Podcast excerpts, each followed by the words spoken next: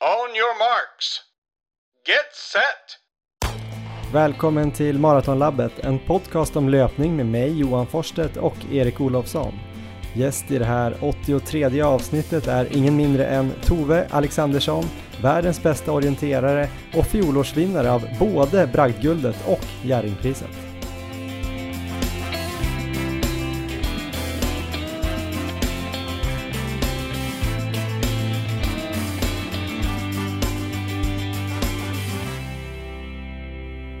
Ja, välkommen allesamman till avsnitt 83 alltså. Lite senare i det här avsnittet så kommer vi få lyssna till eh, världens bästa orienterare och kanske Sveriges eh, bästa idrottare i alla kategorier, eller i alla fall en av dem. Tove Alexandersson, det ska bli väldigt intressant. Men först tänkte jag vända mig till dig Erik Olofsson där du sitter i Uppsala och fråga hur du känner kring att det inte blir något Stockholm Marathon eller Stockholm halvmaraton den här säsongen. Båda loppen är nu inställda på grund av corona. Besviken, väldigt eh, besviken såklart. Jag hade verkligen sett fram emot Stockholm Marathon. Mm. Eh, det har varit kanske det stora målet länge nu då, just det här året, och få springa SM, men samtidigt så var ju beskedet helt väntat. Så att man är inte förvånad och jag har ju full förståelse att det ställs in. Eh, så att det är väl eh, bra ändå att ha fått det beskedet, men det är klart man är besviken.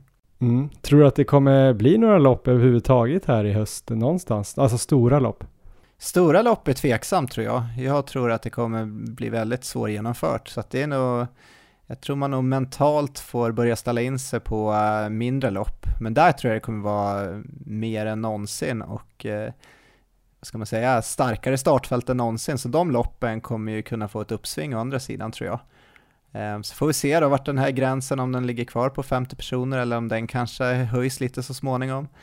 Men just de här stora loppen, stora maraton och sånt, där känner jag att under det här året så tror jag inte det kommer genomföras många. Nej, det är riktigt tråkigt såklart, men eh, vi får väl fortsätta att eh, podda och träna ändå antar jag. Eh, har du tränat idag, Erik? Jag har kört idag. Jag har kört ett bra pass idag. Vi skulle spela in tidigare, men jag fick ju tidigare lägga mitt pass och eh, det var ganska bra för att det var väldigt varmt idag, så att då var det lite svalare här vid halv tio tiden när jag gav mig ut på ett eh, CV-pass, 7 gånger 1 kilometer. Just det. Critical Velocity, signerat Stämmer Tom bra. Schwartz. Vi kör bara det nu, vi är helt hjärntvättade. ja, men jag ska försöka få in det en gång i veckan har jag tänkt och idag var det dags och eh, nej, men det kändes bra, riktigt bra. Härligt. Hur eh, är läget själv? Har du tränat någonting du? Ja, men jag har hunnit med ett pass här i morse, eller faktiskt två pass. Jag har både sprungit lite grann och eh, gymmat. Jag skulle faktiskt in på gymmet och lyfta lite skrot, alltså lite tyngre grejer, typ marklyft och sånt. Ja, Men det var ju så extremt fint väder i morse så jag körde utegym faktiskt eh, vid Hammarbybacken där. Eh, gick riktigt bra att få till ett eh, bra, lite mer prehab inriktat pass där, men ändå några tyngre grejer. Det gick att hitta på lite saker där. Det fanns, finns ju ganska mycket stockar och grejer man kan lyfta där.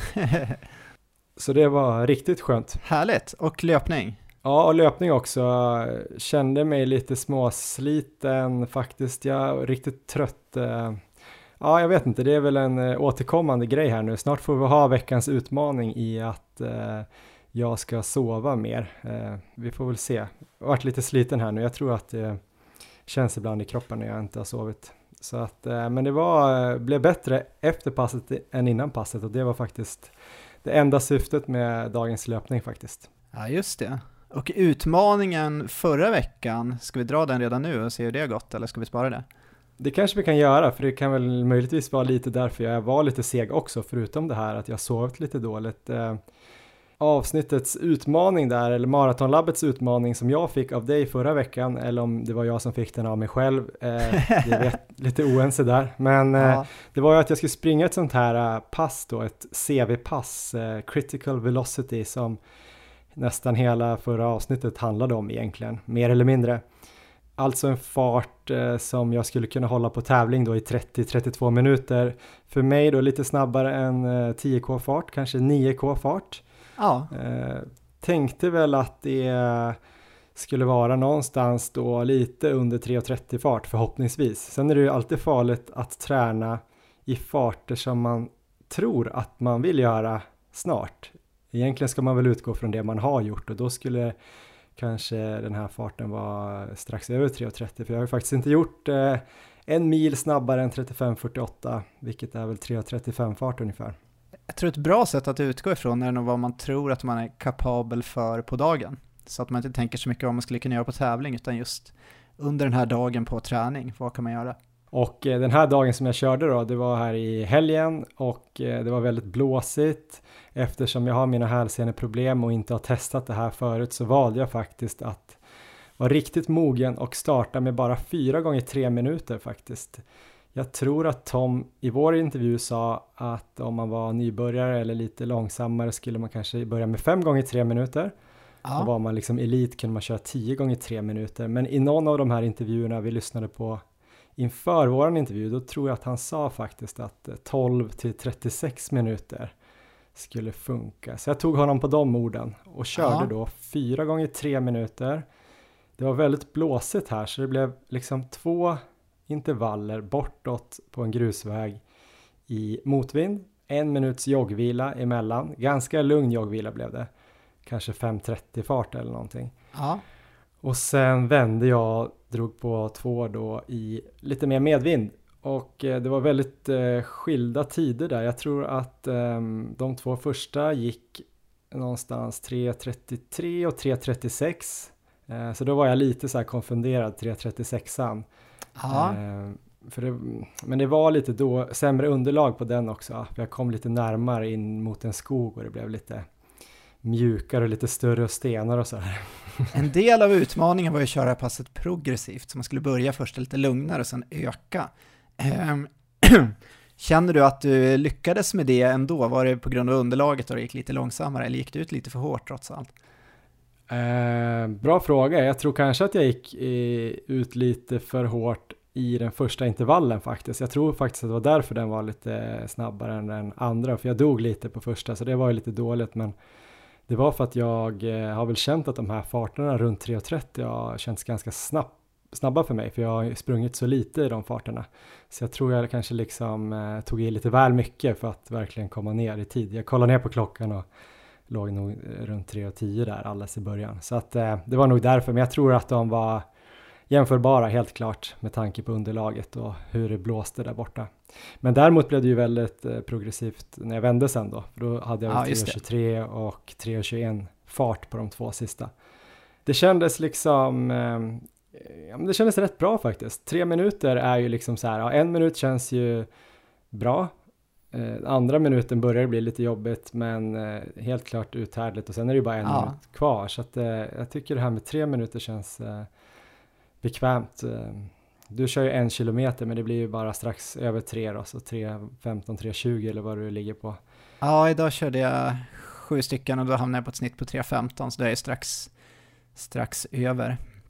Nej men det kändes helt klart som att jag skulle kunna ha gjort eh, en eller två till den här dagen i den farten. Men eh, det gjorde jag inte utan jag joggade i fem minuter och sen körde jag fyra gånger hundra på ja. någonstans, ja men det gick snabbt faktiskt, 16-17 sekunder eller relativt snabbt. Vi kan väl säga att du klarade avsnittets utmaning.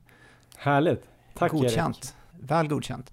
Det var kul att se att det var ganska många andra som har testat det här CV-passet eh, de eh, senaste veckorna efter förra avsnittet. Så det är jäkligt kul att ha sett att folk har börjat köra lite CV. Det är kul att eh, testa lite olika farter och olika pass tänker jag. Vi får ju tacka för all feedback vi fick från förra avsnittet också. Det verkar ha blivit väldigt uppskattat. Det har varit jättekul att läsa alla kommentarer. Ja, det var en kul intervju att få göra där med Tom Schwartz ehm, och kul att ni gillar den lika mycket som vi gjorde. Sen har vi fått några kommentarer på det här med att oh, det är 10k fart ju. det orkar inte upprepa oss, det är ju inte det för alla. Det är det för det är, några, det är inte det för alla. Ja, jag kan tänka att det är en ansträngning, det är ingen fart, utan det är den ansträngning klarar att hålla i 30 minuter helt enkelt. Och det kan variera mycket. På samma sätt är ju tröskel en ansträngning som man ska hålla ungefär i 60 minuter, brukar man säga. Sen ja. kan ju tröskel då vara en mängd laktat i blodet, men den är ju olika för olika individer, även om man brukar säga att det är 4 millimol. Eh, som någon sorts eh, generell gräns är. eh, som tröskeln ligger på. Men där brukar ju alla typ tänka så här, sin milfart och lägga på 5-10 sekunder.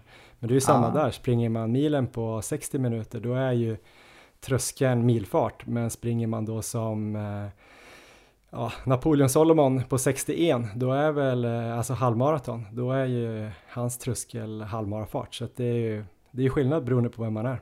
Verkligen. Erik, eh, Ja. på tal om halvmara och snabba halvmaror. Sen vi pratade sist har ju du eh, gått under 1.15 på halvmaraton. Eh, Ett riktigt stort steg framåt Ja. tycker jag. Precis, så det var ju det här loppet jag hade, eller jag hade pratat upp lite innan, där jag skulle springa egentligen en, jag skulle springa i 3.33 fart så länge jag bara kunde. Ehm, Mm. Sen så justerades ju farten ner till eh, att eh, de skulle springa på 2.28 på maraton. En grupp med duktiga löpare, blandat eh, maratonlöpare och orienterare. Och min plan var ju att springa med den gruppen då, så att jag fick ju justera mitt mål lite. Så att Mm. eh, målet var ju att springa en, försöka springa en halvmara och helt enkelt hänga på den här gruppen så länge som möjligt. Och eftersom de då siktade på att springa på 2.28 skulle vi passera halvmaran på 1.14, så mitt mål var ju egentligen då att försöka ta mig under 1.14. Mm. Och eh, ja, men det kändes bra, vi sprang på inte samma bana som när vi sprang maran i Uppsala, utan nu var det en bana som var cirka, ja, lite drygt 5 kilometer lång. Så vi skulle springa fyra varv där då, för att eh, få till en halvmara. Okej, Och sen skulle några då fortsätta hela vägen då till en hel mara. Hur var den här banan då jämfört med den förra vi sprang? Den var ju väldigt platt men extremt blåsig hade de ju lagt den. Jag vet inte varför de hade lagt en så blåsig bana. Hur var det den här gången? Eh, ja, men den banan valdes ju bort lite för att det kunde bli broöppning den här gången, när man springer där Ah. över den här vindbron, så det är ju väldigt jobbigt där om man ligger efter 38-39 kilometer och bron plötsligt öppnas. Så eh, den här banan var ju, det, var, det är svårt att säga om den var snabbare eller långsammare, det var ju inte lika blåsigt, det blåste lite grann, men den här var ju inte lika liksom, utsatt för vind, det var inte lika öppen bana. Sen så slapp man ju de här eh, 180 graders vändningarna, för de eh, tog ändå en hel del tid, tyckte jag. Mm. Eh, däremot var den ju betydligt mer kuperad. Den andra banan var ju helt platt. Här var det ju en hel del backar ändå. Så den var inte jättesnabb, men det var ändå, jag ska inte klaga på banan, jag tycker den var, jag tycker den var relativt bra ändå. Men första varvet då, om vi tar det, vi var en klunga där på tio stycken, så första varvet kändes bra. Jag låg, la mig väl ganska långt bak i den där klungan och bara försökte spara så mycket energi jag kunde. Um, och eh, andra varvet kändes också bra. Så att uh, halvvägs in då så kändes det ändå positivt. Jag kände att jag har nog bra möjligheter att uh, fixa under en 14 ändå. Så det var milen då på 35 och du kände dig ganska avslappnad? Ja, precis. Så det var en betydligt, om man säger då när det var 10 km kvar, det var en helt annan känsla när jag hade 10 km kvar på maran där när jag eh, höll på att avlida och börja skrika och allt möjligt. Så här var det en Mm. betydligt mer positiv upplevelse. Så tredje varvet eh, kändes också bra faktiskt. Eh, det är klart jag låg högt i puls och sådär, men det var inte så att jag sprang och eh, var extremt plågad. Så när vi gick ut på eh, sista varvet där, var det ändå så här mentalt att jag sprang och tänkte lite vart, vart ska jag gå ifrån och liksom försöka börja avsluta lite hårdare. Mm. Eh, Så det var liksom den, det läget jag var rent mentalt, så det kändes ju, kändes ju bra. Ehm, och eh, det var en del av banan som var lite brantare, så när vi hade klarat av den biten där, och det var ungefär tre kilometer kvar när vi hade sprungit 18, då tänkte jag att ja, men nu provar jag att gå, nu känns det ändå så pass bra att jag försöker öka lite. Så det gjorde jag, och så fick jag med mig då eh, Jocke Thelin som också skulle, han skulle också springa halvmara.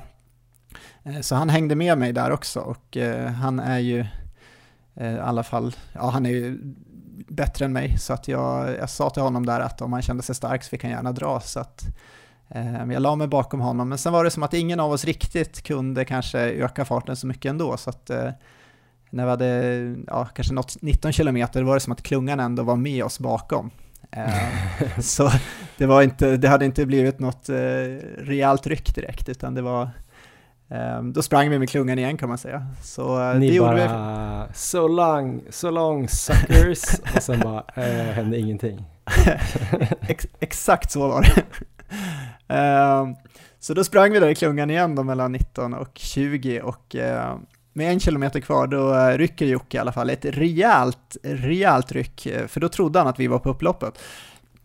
Så jag tänkte att det där, det där kan ju inte jag hänga på och det gjorde jag inte heller. Um, men jag låg ju kvar där i täten då på klungan och uh, då med en kilometer kvar då fick jag plocka fram de här vrålen så då började de komma.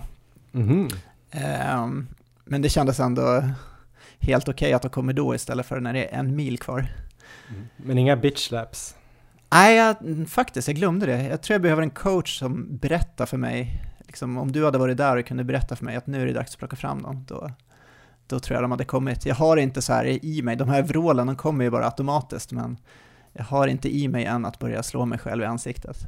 Alltså jag är ingen expert, men det känns som att de här bitchlapsen måste liksom påverka tekniken lite mer negativt än de här skriken, för skriken borde ju bara kunna Visst, ja. det kanske blir lite dålig andning där ett tag eller någonting, men just bitchlapsen måste ju påverka att man får de här kanske Salkai-armarna på något sätt. Och om man ja. inte är Salkai då kanske man ja, får helt fel sväng i kroppen. Jag vet inte, vi kanske ska göra ett test hos eh, Fredrik Selén där vi först testar att bara skrika och se vad vi får för sån här energiklassning och sen testar vi att slå oss själva i ansiktet också och se om man får liksom så B plus eller A plus plus eller vad det är.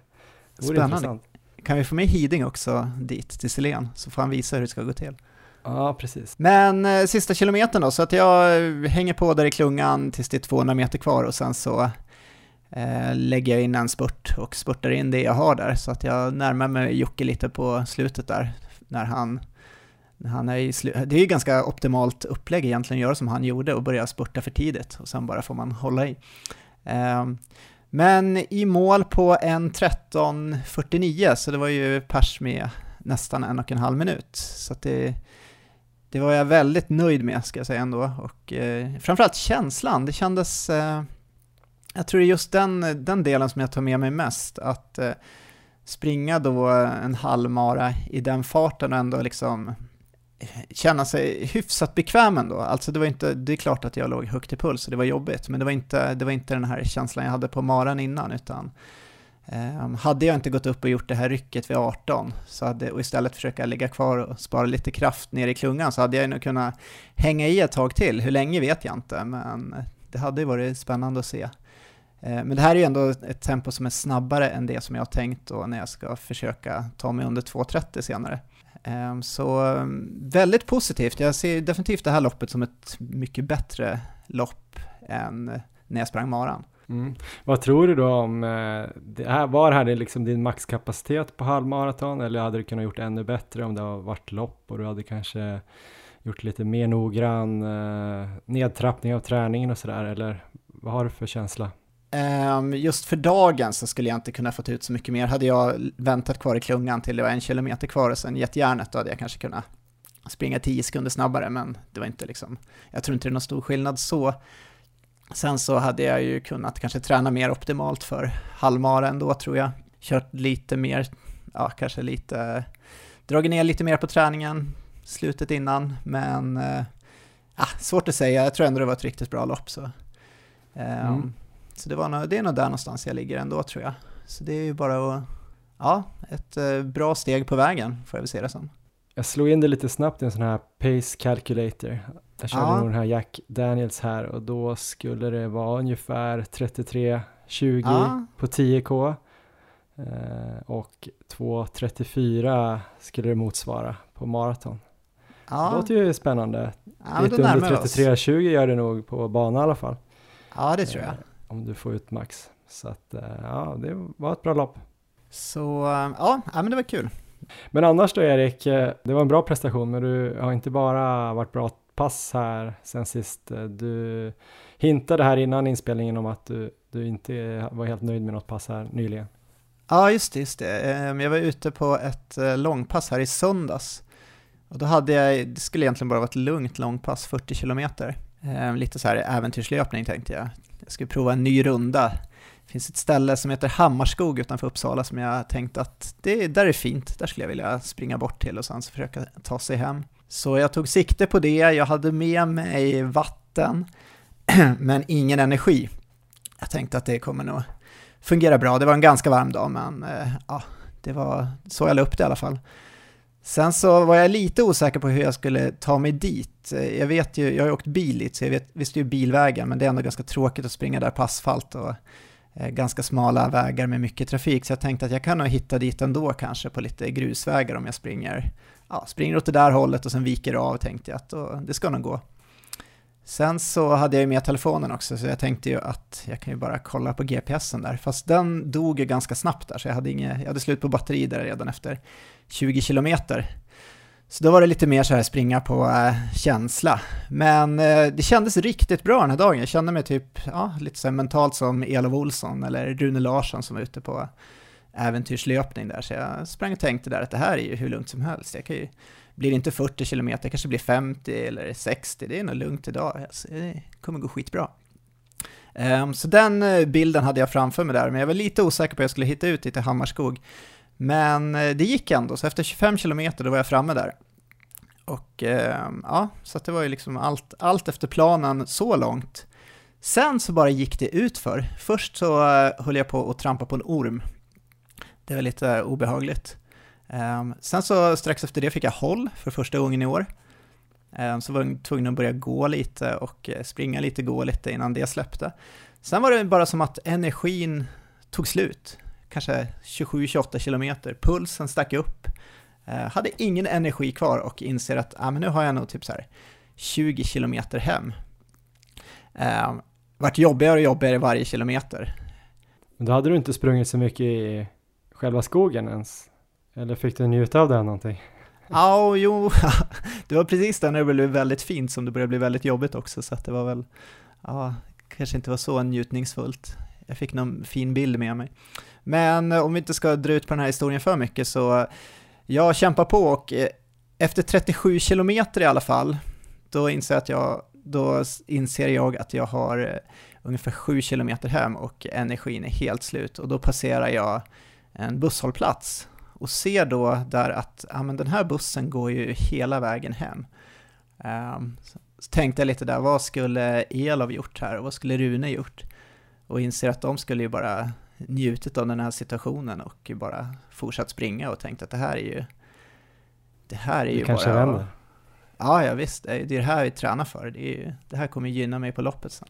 Så så tänkte jag och så tänkte jag att nej, jag kan inte kliva på bussen och den lär ju inte komma så ofta ändå, det är ju söndag. Så att... Och i precis samma veva så rullar bussen in. Och eh, ja, 25, 25 minuter senare så klev jag av bussen hemma i alla fall och Passet slutade på 37 kilometer och eh, 7 kilometer buss. Så det var, det var väl ingen succé kanske. Ja, spännande Erik. Det var väl våra träningsveckor. Inte så mycket för mig kanske, men eh, det är inte så intressant. Jag skulle vilja egentligen snacka igång den här intervjun nu Erik.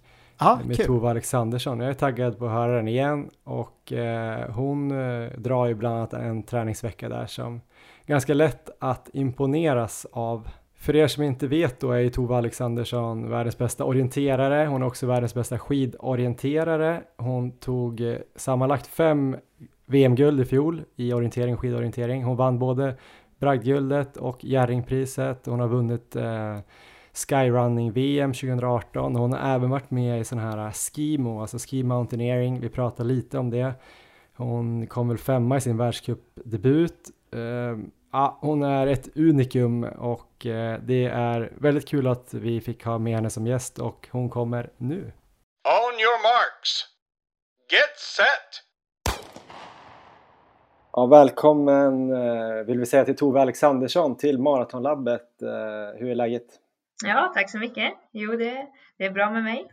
Hur känns det att vara med i en podcast som handlar ganska mycket om långdistanslöpning och lite specifikt om maraton? Känns det, eh, känns det som hemma liksom?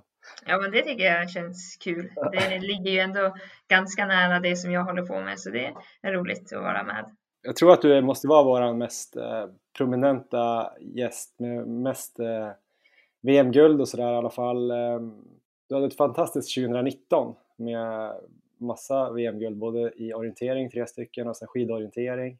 Så både Jerringpriset och bragdguldet, hur, hur var det egentligen? Ja, 2019 var verkligen ett, eh, helt fantastiskt år för mig och jag presterade väldigt bra på egentligen alla värdetävlingar som jag sprang så det hade inte kunnat gå så mycket bättre och jag var i väldigt bra form hela året och i, ja, i alla fall egentligen på alla viktiga tävlingar så det var en riktigt härlig känsla.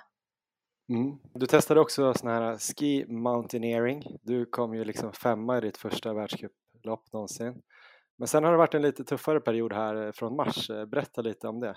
Eh, ja men precis, jag blev sjuk i slutet av mars. En virusinfektion då. Har inte fått bekräftat vad det var men det skulle kunna vara corona. Mm. Eh, och sen så fick jag även ta en längre viloperiod efter det för att se att eh, kroppen var helt återhämtad igen innan jag började träna. Okej. Okay. Men hur var det när du var tillbaks då? Jag tyckte jag läste någon rubrik om, om hjärtat och sådär. Eh, ja men precis, att eh, hjärtat hade blivit lite påverkat av det här viruset då. Eh, så därför så fick jag ta det lugnt en längre period innan jag började träna för att inte riskera att få några ja, framtida problem med hjärtat eller så. Okej. Okay. Annars då, liksom lungorna så där har man ju hört att de ska påverkas ganska mycket om man får corona. Har du märkt något sånt med andningen och sådär? Har det påverkat dig nu när du har kommit igång? Eh, jag hoppas att, jag inte, att det inte ska ha påverkat lungorna så mycket för jag hade faktiskt ingen hosta eller så när jag var sjuk.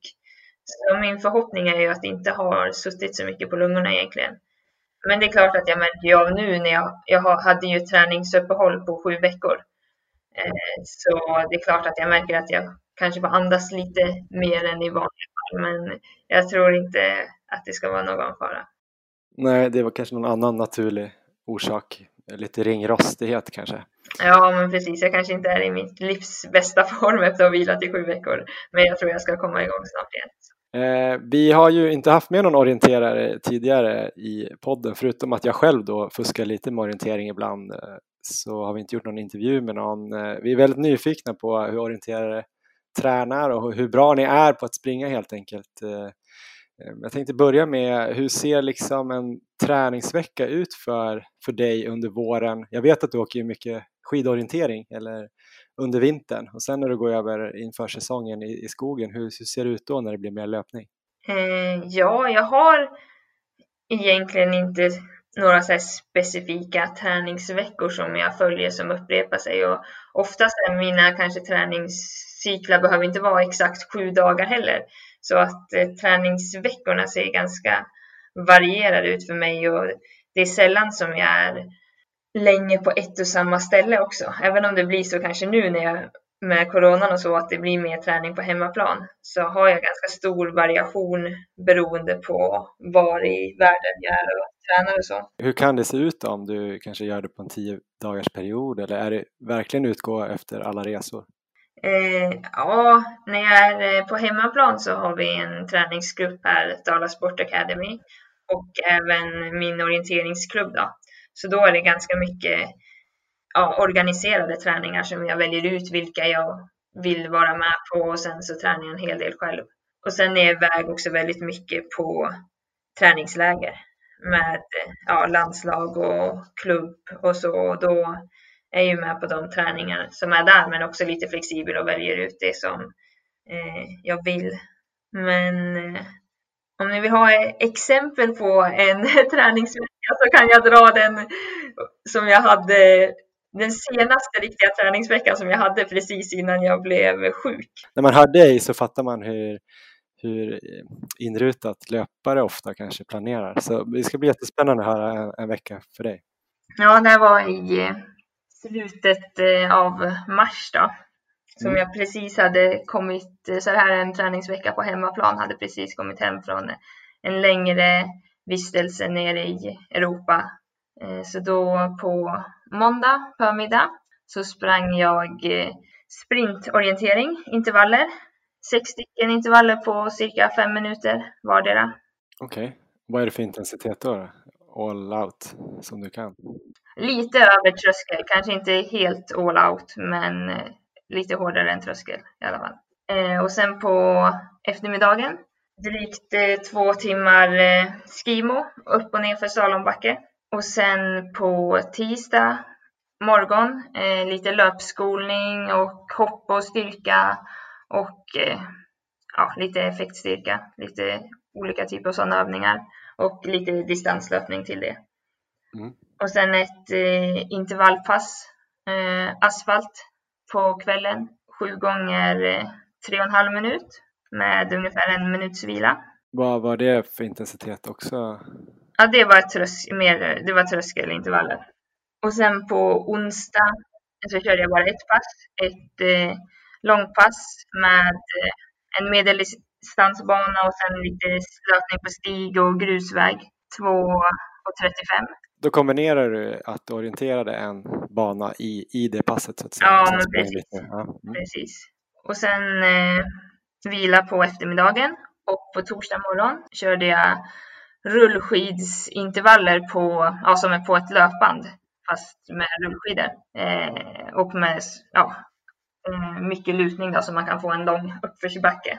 Just det. Så körde jag en fem minuter och så fyra gånger fyra minuter och de ja, på max egentligen så hårt jag kunde. Och sen på eftermiddagen eh, en timme och 40 minuter löpning, eh, mestadels grusväg. Och sen på fredag förmiddag så körde jag längdskidor, 70 ja. minuter. Och eh, på kvällen så sprang jag banintervaller. Här har jag till och med lite tider då, som ni kanske tycker är kul att höra. Ja, men gud vad spännande. Ja. Då sprang jag banintervaller. Först eh, fem gånger 400 meter. Ja. På ja, 69 sekunder ungefär. Oj. Och eh, 66 sekunders vila. Så vi startar väl, vad blir det, efter två minuter och 15 sekunder på varje intervall. Just det. Och sen fortsätter direkt med 10 gånger 200 meter på 32 till 33 sekunder. Och då startade vi efter 80 sekunder på ja, varje omgång. Okej. Okay. Och då kan jag bara snabbt säga till de lyssnarna att 72 sekunder på en 400 är ju 3.00 fart om man ska översätta det och 36 sekunder på en 200 så en bit under, under. Det är snabbt. Ja, det var ganska lång vila också så då kan man springa snabbt. och du hade ju nästan ingen träning i benen fram till fredagen heller. Så. Nej, precis så. och sen på lördag så två och en halv timme längdskidor på morgonen och sen en timme löpning på eftermiddagen och på söndag så sprang jag intervaller sprintorientering igen. Eh, fyra stycken slingor som var sammanlagt 40 minuter, men det var också i tröskelfart. Okej. Okay. Du körde sprintorientering i skog då? Nej, i stan. Okej, okay, riktig sprint. Ja, precis. Och sen eh, 80 minuter längdskidåkning på kvällen. Så drygt, eh, eller knappt 21 timmars träning blev det den veckan. Det var väldigt imponerande tycker jag. Eh, hur många veckor, sådana här veckor får du ihop under liksom grundperioden med den här mängden? Ja, ganska många ändå. Jag brukar ligga på runt 20 timmar när jag har en normal träningsvecka och sen så lägger jag in lite lugnare veckor emellanåt då, och lite tävlingsveckor ibland eftersom jag tävlar på vintern. Då. Men annars så är det en ja, standard träningsvecka under vintern ligger på runt 20 eh, timmar. Men eh, det man slås av, förutom att det är ganska många timmar ändå, relativt sett, jag tror löpare oftast tränar ju färre timmar, men då gör de ju nästan bara löpning. Du kör ju väldigt varierat, hör man ju direkt, att du är både skidor uppåt och på rullband och ja. intervaller och, och, och, skogen. Är det det som är typ eh, nyckeln? Nu har inte jag helt koll på din skadehistorik, men du har väl inte haft så mycket skador? Nej, nej precis. Jag kan ju få in betydligt mer mängd och eh, högintensiva pass utan att riskera att få så mycket skador när jag varierar den. Så det tycker jag är väldigt bra, framförallt att lägga en sån grund under vinterhalvåret och sen under sommarhalvåret så blir det mestadels löpning då. Men eh, då har jag lagt en väldigt bra grund med lite mer mängd och så. Mm. Hur går det över sen när det är säsong? Eh, självklart kanske du måste dra ner lite timmar då om du bara springer, men hur ser det ut ungefär då? Mm, ja, precis, det blir lite färre timmar. Sen är det ju mer tävlingar då också, så då blir det ju lite färre timmar de veckorna som det är tävlingar. Men om det blir en ren träningsvecka så kanske jag ligger runt eh, 15-16 timmar om jag i stort sett bara springer.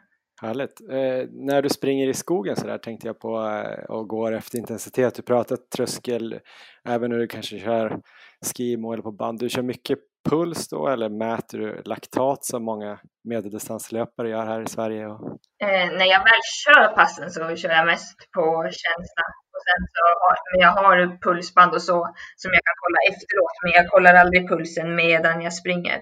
Och jag har också så jag kan ta och mäta laktat ibland också.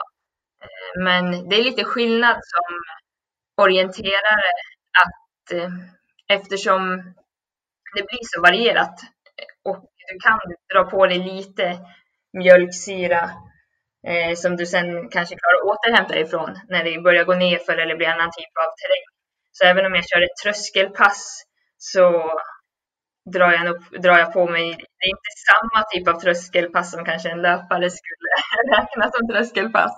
Men eh, eh, ja, det blir lite annorlunda än att bara springa slätt. Så. Och hur mycket av tiden typ när du tränar orienterar du också?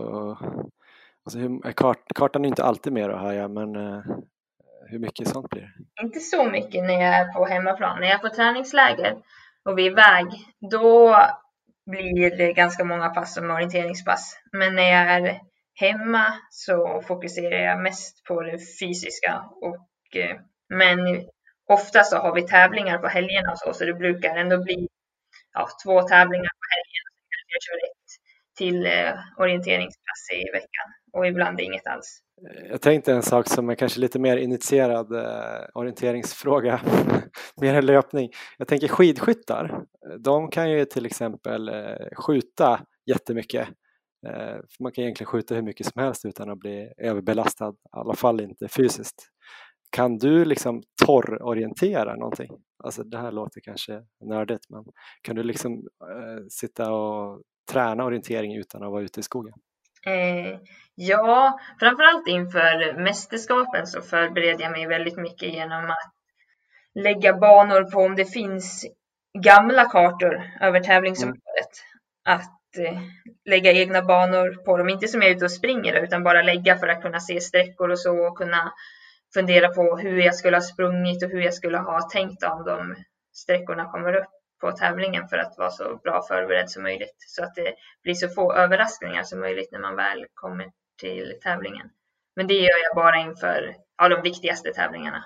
Annan typ av träning då? Nu pratar vi rätt mycket, du körde lite hopp och sånt. Kör du annan typ av styrketräning? Kör du någonting på gym eller? Nej, jag kör inte någonting i stort sett på gym.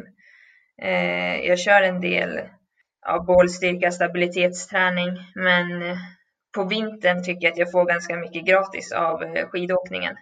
Och sen är det lite eh, spänst och hoppstyrka och så, men annars kör jag inte så mycket styrketräning. Nej. Hur gör du annars för att undvika skador då? Är det den här variationen som är nyckeln eller? Jag tror jag framför allt att när man får känningar att stoppa upp och ta tag i det direkt. Oftast så får man inte svåra skador som kommer från ingenstans. Ofta så ger kroppen kanske lite signaler innan i alla fall och att då verkligen ta tag i dem direkt. Har du något tips på hur man blir bättre på att lyssna på kroppen och inte bara köra på? Eh, jag tror det är mycket att lyssna och lära sig och sen att för mig så är det så lätt att byta till en annan träningsform också. Om jag känner att ja, men, när jag gör det här, ja, men då får jag lite ont här, ja, men då kan jag träna någonting annat i ett par dagar. Eh, som rullskidor eller cykel eller någonting annat. Eller bara i löpningen att byta underlag. Att ibland kanske det känns bättre om jag springer på hårt underlag och ibland kanske en skada som känns bättre om jag springer i skogen. Att just den här variationen gör det väldigt lätt för mig att byta träningssätt så fort jag får någon känning någonstans. Så att det aldrig hinner bli något stopp. Och sen att gå och få behandling massage och så, någon som kollar på om jag är spänd någonstans och så och kan mjuka upp muskler och så. Jag tänkte vi skulle hoppa till en annan grej som förutom att du då eh, är bäst i världen på orientering och skidorientering och tydligen väldigt duktig på skimo också då, så vann du ju 2018 eh, VM i skyrunning. Och jag tror att det var 29 kilometer och 2500 höjdmeter eller någonting. Ja, precis. Något sånt stämmer bra. Hur kom det sig att du sprang den tävlingen och hur hade du förberett dig då? Hade du liksom gjort någonting specifikt eller var det bara en kul grej höll jag på att säga? Eh, ja, eh, året innan eh, så sprang jag ett annat skyrace som mer bara var en kul grej som jag inte hade förberett mig för alls. Eh, och det, det gick bra på det sättet att jag vann tävlingen. Men dels så gick jag helt slut på energi för att jag inte hade med mig tillräckligt ja, med energi för att klara ett så långt lopp. Eh, jag var inte van att tävla så länge och trodde att jag skulle klara mig på betydligt mindre än vad jag borde. Och sen så var jag också helt förstörd i benen och fötterna och hela kroppen efteråt eftersom jag inte var van alls med den typen av löpning. Så jag insåg ju att om jag skulle springa ett till sånt lopp då behöver jag vara bra, bättre förberedd för att inte vara helt förstörd i flera veckor efteråt. Mm. Och hur gjorde du då? då? Jag var i bergen och sprang helt enkelt. Och sen eh, hade jag med mig lite fler gel så att jag inte skulle ta slut på energi. Men att jag förberedde mig helt enkelt genom att träna det, springa upp och ner för bergen. Och eh, det räckte. Så efter, vi hade VM i orientering och eh, efter det så var det väl en dryg månad kvar till det VM i skyrunning. Så direkt efter jag hade sprungit eh, VM i orientering så åkte jag till Norge och sprang upp och ner i bergen i en och en halv vecka. ja, men imponerande. Jag tänkte, eh, du, alltså man hör ju hur mycket du tränar, man vet vad du har gjort eh, i olika sporter, så man fattar att du har en ganska stark eh, motor och väldigt bra kapacitet. Har du några sådana liksom, siffror, något som är inte hemliga, alltså VO2 max, eller vad är din tröskel på slätlöpning och sånt där? Eh, jag har gjort tröskeltester och så, men jag vet faktiskt inte vad jag har för värden på det.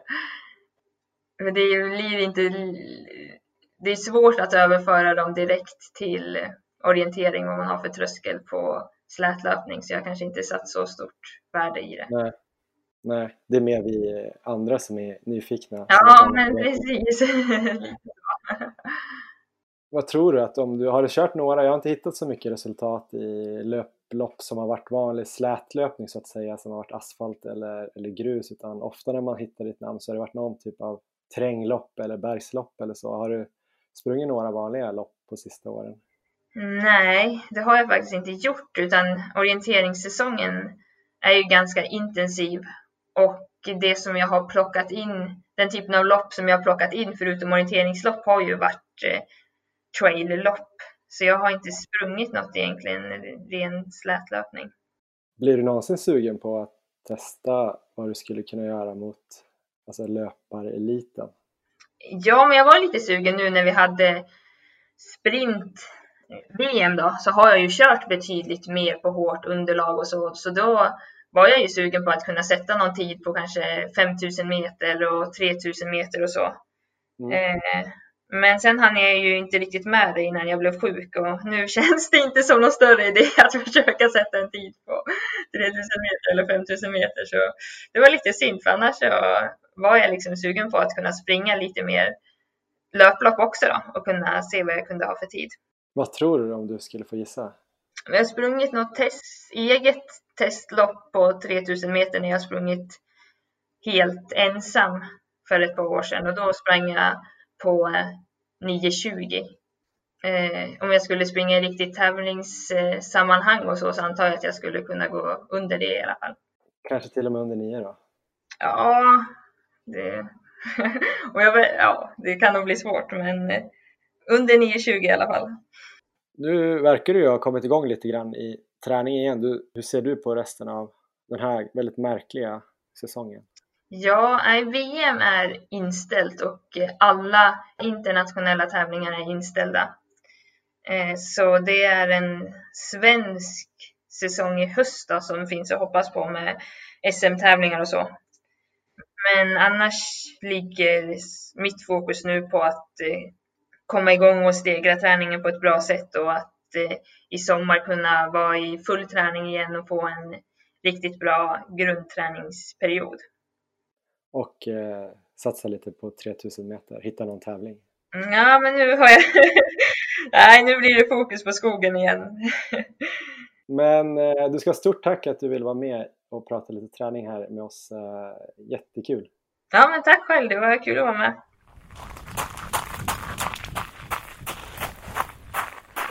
Ja, återigen ett stort tack till Tove Alexandersson som vill vara med i Maratonlabbet, Erik Olofsson. En snabb, oväntad fråga. Hur fort skulle hon springa på maraton tror du? Ett vanligt platt maraton, typ Valencia. En gissning bara. Um, jag vill säga 2.30. Vad säger ja, du själv? Uh, jag har ju inte ens tänkt på det, men uh, 2.40 säger jag då. Ja. Jag är lite mer försiktig. Det är alltså... väldigt mycket så här uh, hårt länge tänker jag som hon inte är van vid. Men uh, alltså det låter ju som uh, att hon inte skulle omöjligen kunna komma ner mot de tiderna om hon skulle liksom bestämma sig för att satsa på det. Sen finns det ju andra som har satsat på asfaltsmaraton och man tror de ska springa fort så går de sönder ja. och så. Men ja. satan vad snabb hon verkar vara ändå. Ja, verkligen. Riktigt eh, snabba tider på de här 400 och 200 Det var 69 sekunder de sa på 400 och 32 till 33 på 200 mm. Och 9.20 på ett eget test på bana, det låter ju som att hon skulle kunna prestera lite bättre också på en tävling och med lite träning, lite specifik träning. Jag tror hon skulle kanske gå under 9 minuter. Då ja. är hon ju typ i Sverigetoppen, skulle jag vilja Just påstå. Det. Jag tänker på ett annat lopp också, Lidingöloppet. Där känns det som att hon verkligen skulle kunna göra det bra. Ja, det tror jag också. Det är väl många orienterare som har sprungit eh, riktigt bra där när det blir lite ja. kupering och just det här som hon pratar lite om i intervjun att eh, alltså att de inte kanske i skogen ligger på tröskel utan man går lite upp och ner över och under tröskel beroende på terräng och när man måste läsa lite noggrannare kartan och sådär, lite mer som skidåkare som kan vila ut för och köra riktigt hårt uppför. Eh, det passar ju, det är ju precis så Lidingöloppet är eller kan vara. Ja. Ja, men eh, hon är ju bra kanske för att hon eh, tränar extremt mycket. Både du och jag satt väl nästan kaffet i halsen när vi fick höra den här träningsveckan som hon dessutom brukar upprepa flera gånger lät det som under ja. vintern och våren. Vad tycker du? 21 timmar, det lät ganska mastigt. Det tog liksom aldrig slut på, på passen. Ja, man slås ju över också hur mycket kvalitet det är. Det är ja. ju, det är inte så här eh, mycket vilodagar däremellan, utan det är ju liksom kvalitetspass eh, flera dagar i rad ibland. Men sen så är det ju varierad kvalitet, så det är väldigt intressant på det sättet att det är ju dels då kanske orientering, det är löpning, det är eh, rullskidintervaller och eh, sån här skimo, då vet man ju inte riktigt hur tufft det är. Upp och ner i slalombacke låter ju tufft, men Eh, svårt att veta kanske intensitet sådär. Men det är ju, ja, det är nästan kvalitet varenda dag.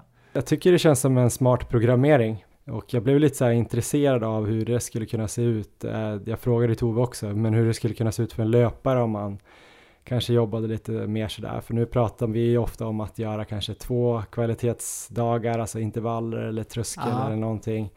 Eh, plus ett långpass då som ibland kanske är hårt, men när har man riktigt hårda långpass så brukar vi kanske säga att man bara köra ett till. Ehm, kvalitetspass beror ju lite på vart man är i säsongen och vilket lopp man tränar inför i och för sig, men det kanske är läge att gå in och göra lite alternativ eh, hård kvalitetsträning någon dag i veckan. Är du sugen? Um, jag vet inte om jag är sugen, men jag funderade just, jag funderade just så här om man, om man då skulle kunna addera um, de här typen av pass, alternativträning, som till exempel längdskidor och cykel. Om man tänker mm. att man inte tar bort några löppass, men adderar bara alternativträning, eh, förutsatt att tiden finns då såklart. Um, om man skulle kunna bli bättre på det eller om det kommer in lite för mycket kanske negativa effekter av det. Jag tänker att liksom, det skulle kunna bli mer skaderisk, återhämtningen kanske blir försämrad, eller blir väl försämrad antar jag. Um, löpekonomin kanske skulle kunna bli försämrad, tänker man ibland, till exempel om man cyklar mycket kanske. Um, vad tror du om de bitarna? Liksom säga att man springer 20 mil i veckan, vilket är en väldigt hög volym eh, för löpning. Det är inte så många mm. som håller på med det i eliten heller. Men eh, de här bästa herrarna då kanske de snittar fyra fart säger vi, om vi bara ska slå ut det på hela veckan. Aha. Ja, det borde bli ungefär 13 timmars löpning. Säg att de gör lite eh, rehab-grejer. Säg att de är uppe i 15 timmars träning då. Då har de ju ändå liksom 6 timmar upp här till Tove. Så ja. det skulle vara intressant om man kan göra någonting med de 6 timmarna. I alla fall slänga in 3 timmar. Det skulle vara kul att se någon som någon löpare som körde mycket så. Verkligen. Någon duktig löpare. Vi får väl försöka, om det är någon som lyssnar nu får de höra av sig. jag lyssnade på en intressant intervju på ID Lange Löp när de pratade med Gustav Idan, triatlet i Norge, en av de här mm. en av de här världsklass-triatleterna därifrån. Jag tror han har, undrar om han har VM-guld till och med, jag tror det. Um, och de, han fick i alla fall frågan om han skulle bara satsa på löpning, hur skulle han liksom lägga om sin träning gentemot nu? För just nu så ligger han på ungefär samma procent där han tränar cykel, simning och löpning. Um, och då mm. sa han att uh, simningen skulle han ju plocka bort helt då, om han satsade bara på löpning. Men däremot cykel tyckte han var en väldigt bra träningsform att hålla kvar vid. Så han skulle dels då springa mycket mer såklart, men även fortsätta liksom med cykelbiten. Så det var ju väldigt intressant, för där har vi verkligen någon som har koll på de här bitarna. Um, så cykel kan nog vara en ganska bra uh, form av alternativträning om man skulle vara sugen på det här konceptet och försöka få in lite mer. Mm, verkligen. Det, känslan är alltså fördomen, jag tror kanske det du tänkte också på när man, vi snackade om cykling alldeles nyss här. Ja. Det är väl att eh, cyklister som har cyklat mycket och sen börjar springa kanske, eller det här är min teori eller det jag har sett i alla fall, att de får lite så här sittande stil även i löpningen, att de kanske inte har jobbat så mycket med höft och, och rumpa liksom när man cyklar. Eh, ja. Jag kan vara ute på djupt vatten nu, men jag har någon eh, bekant som, som ser lite ut så när de springer. Eh, ja. Men jag tänker om man fortfarande är löpare i grunden och lägger till cykling så borde det inte vara så att man totalt eh, sabbar sitt steg. Det är kanske inte exakt samma muskler som jobbar på exakt samma sätt men jag tror jag tror också att det kan ge mycket. Problemet med cykling tycker jag är bara att det känns som att man måste göra så mycket för att få effekt. Alltså det känns som att det är många långa sträckor men det kanske också är en det kanske också är ett sånt man ska tänka bara totalt på en vecka, liksom att får man in en halvtimme, timme om dagen, alltså nu tänker jag om man ska till ett jobb eller istället för att ta bilen så cyklar man till uh, ungarnas fotbollsträningar och sådär. Eh, ja. Då kanske man kan få in 5-10 uh, mil cykling utan att det egentligen är någon tidsförlust. Det kanske ja. gör skillnaden. Ja, men han trodde hårt på det i alla fall och ja, de där killarna har verkligen koll på träning. Ehm, så att jag, ja, jag är lite sugen på det. Sen så har vi det andra problemet, de är så jäkla dyra de där cyklarna. Funkar lika bra på en Biltema-cykel tror du? Det borde funka ännu bättre, det borde få mer effekt. Det är så jävla jobbigt. Som när du cyklade till eh, fotbolls-EM 2008, du borde ju vara expert själv. Funkade det bra att cykla på en tandemcykel från Biltema då? Ah, jag har inget att jämföra med så jag vet inte. Det kändes som att det gick sådär. Men det är en annan historia. ja, den får vi dra någon gång. Det får bli ett helt avsnitt kanske. Men eh, ja, Tove Alexandersson, skulle vara kul att se henne springa några fler lopp här i sommar. Vi får väl se om det blir någon eh, orienteringssäsong här eller om hon kommer kanske bli lite sugen att testa sig på någon slätlöpning eller någon banlöpning. Alla som lyssnar på det här och ordnar tävlingar här framöver kan väl bjuda in henne så att hon till slut inte kan motstå.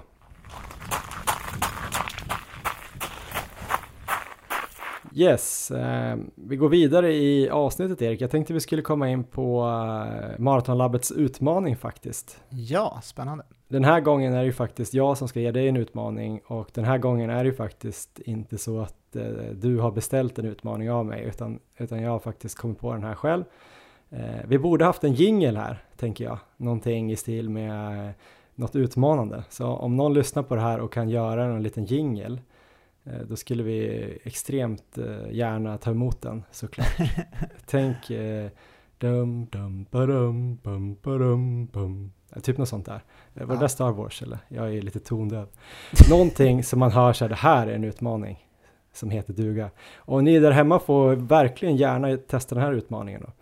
Och föga oväntat Erik, så är Maratonlabbets utmaning från mig till dig att du ska ringa eller messa en av dina nyvunna orienteringskompisar i Uppsala, Rasmus Andersson eller Johan Höj och Okej. be dem ta ut dig i skogen, till exempel Hammarskog eller den här Lunsen som jag också har hört talas om i Uppsala Just det. och springa lite orientering. Aha, spännande. Ja, det känns kul faktiskt. Det känns kul, inte Ja. lite läskigt då? Nej, jag är ganska dålig orienterare, men det känns, ja, känns kul. Så utmaningen då, alltså för att verkligen ha klarat den fullt ut, det är att du ska mm, ta hjälp av Rasmus eller Johan. Be dem ta med dig ut i skogen, att ni ska ha en varsin karta, att ni ska testa att springa lite efter eh, utsatta kontroller där och eh, även springa då en del obanat. Och, och en grej som skulle vara kul också, det är ju att be dem springa då riktigt fort obanat så får du se om det ser ut att gå fort för dem. För det brukar gå ganska fort. Men eh, det som är roligt också, alla ni som lyssnar som skulle också vilja då kanske testa på det här med orientering, hur svårt kan det vara egentligen?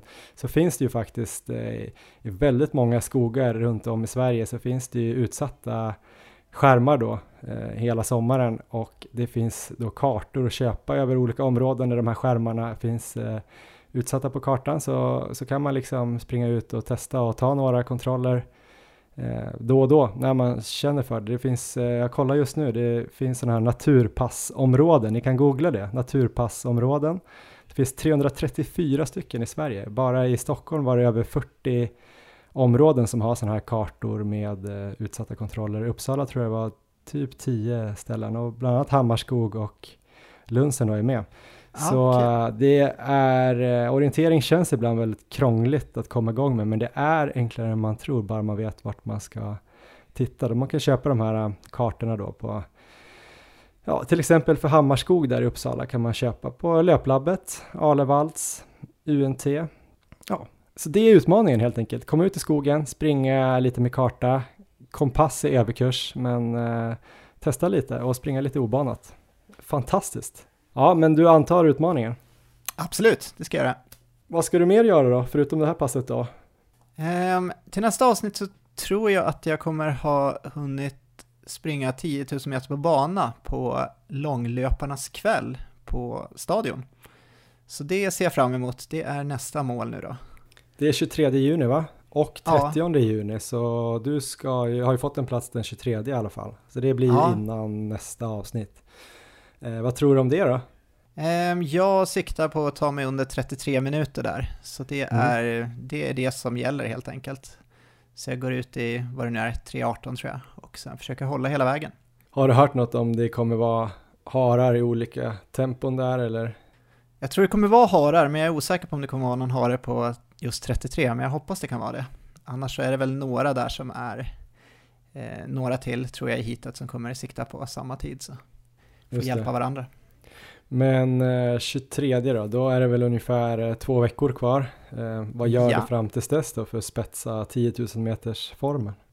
Ja, vi, det blir väl några CV-pass, eller några, det blir det inte. Ett i veckan, CV, och sen så kör jag nog dubbeltröskel tror jag som mitt andra kvalitetspass. Mm. Så jag kommer variera lite mellan dem då och eh, ja, får väl hoppas att jag hinner få upp lite fart innan tävlingen. Ja, det blir en jäkligt spännande kväll. Jag då är väl på reservlista för att vara med kanske eventuellt i det långsammaste hitet den 23 men annars kommer jag få springa den 30 som jag förstår det. Ja, Eh, men 30 kanske är bättre för mig med tanke på att jag inte har sprungit så mycket i de här farterna så att då får jag en vecka till. det känns ändå som det är möjligt att eh, komma till start eller? Jag tänker på med hälsenor och sånt där. Jag tror att det skulle gå att springa 10 000 eh, fullproppad med adrenalin och eh, tävlingskänsla eh, och bra dämpade skor.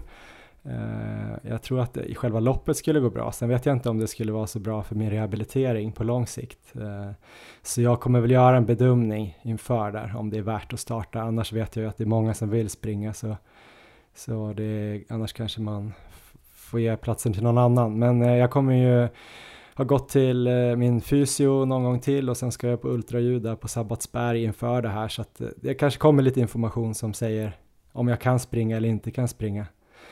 Eh, annars får jag väl göra sådär, jag hörde någon gång eh, Anders Gärderud, jag tror det var i Elitpodden det. som han berättade att han hade haft hälseneproblem, bokat en tid, eller fått en tid på operation för hälsenorna, tänkt så här, ah, ja men nu har jag en tid, nu kan jag lika gärna sticka ut och springa. Så hade han sprungit en mil, allt han kunde eller vad det var. Och sen hade det magiskt nog gått över och så behövde han inte operera sig.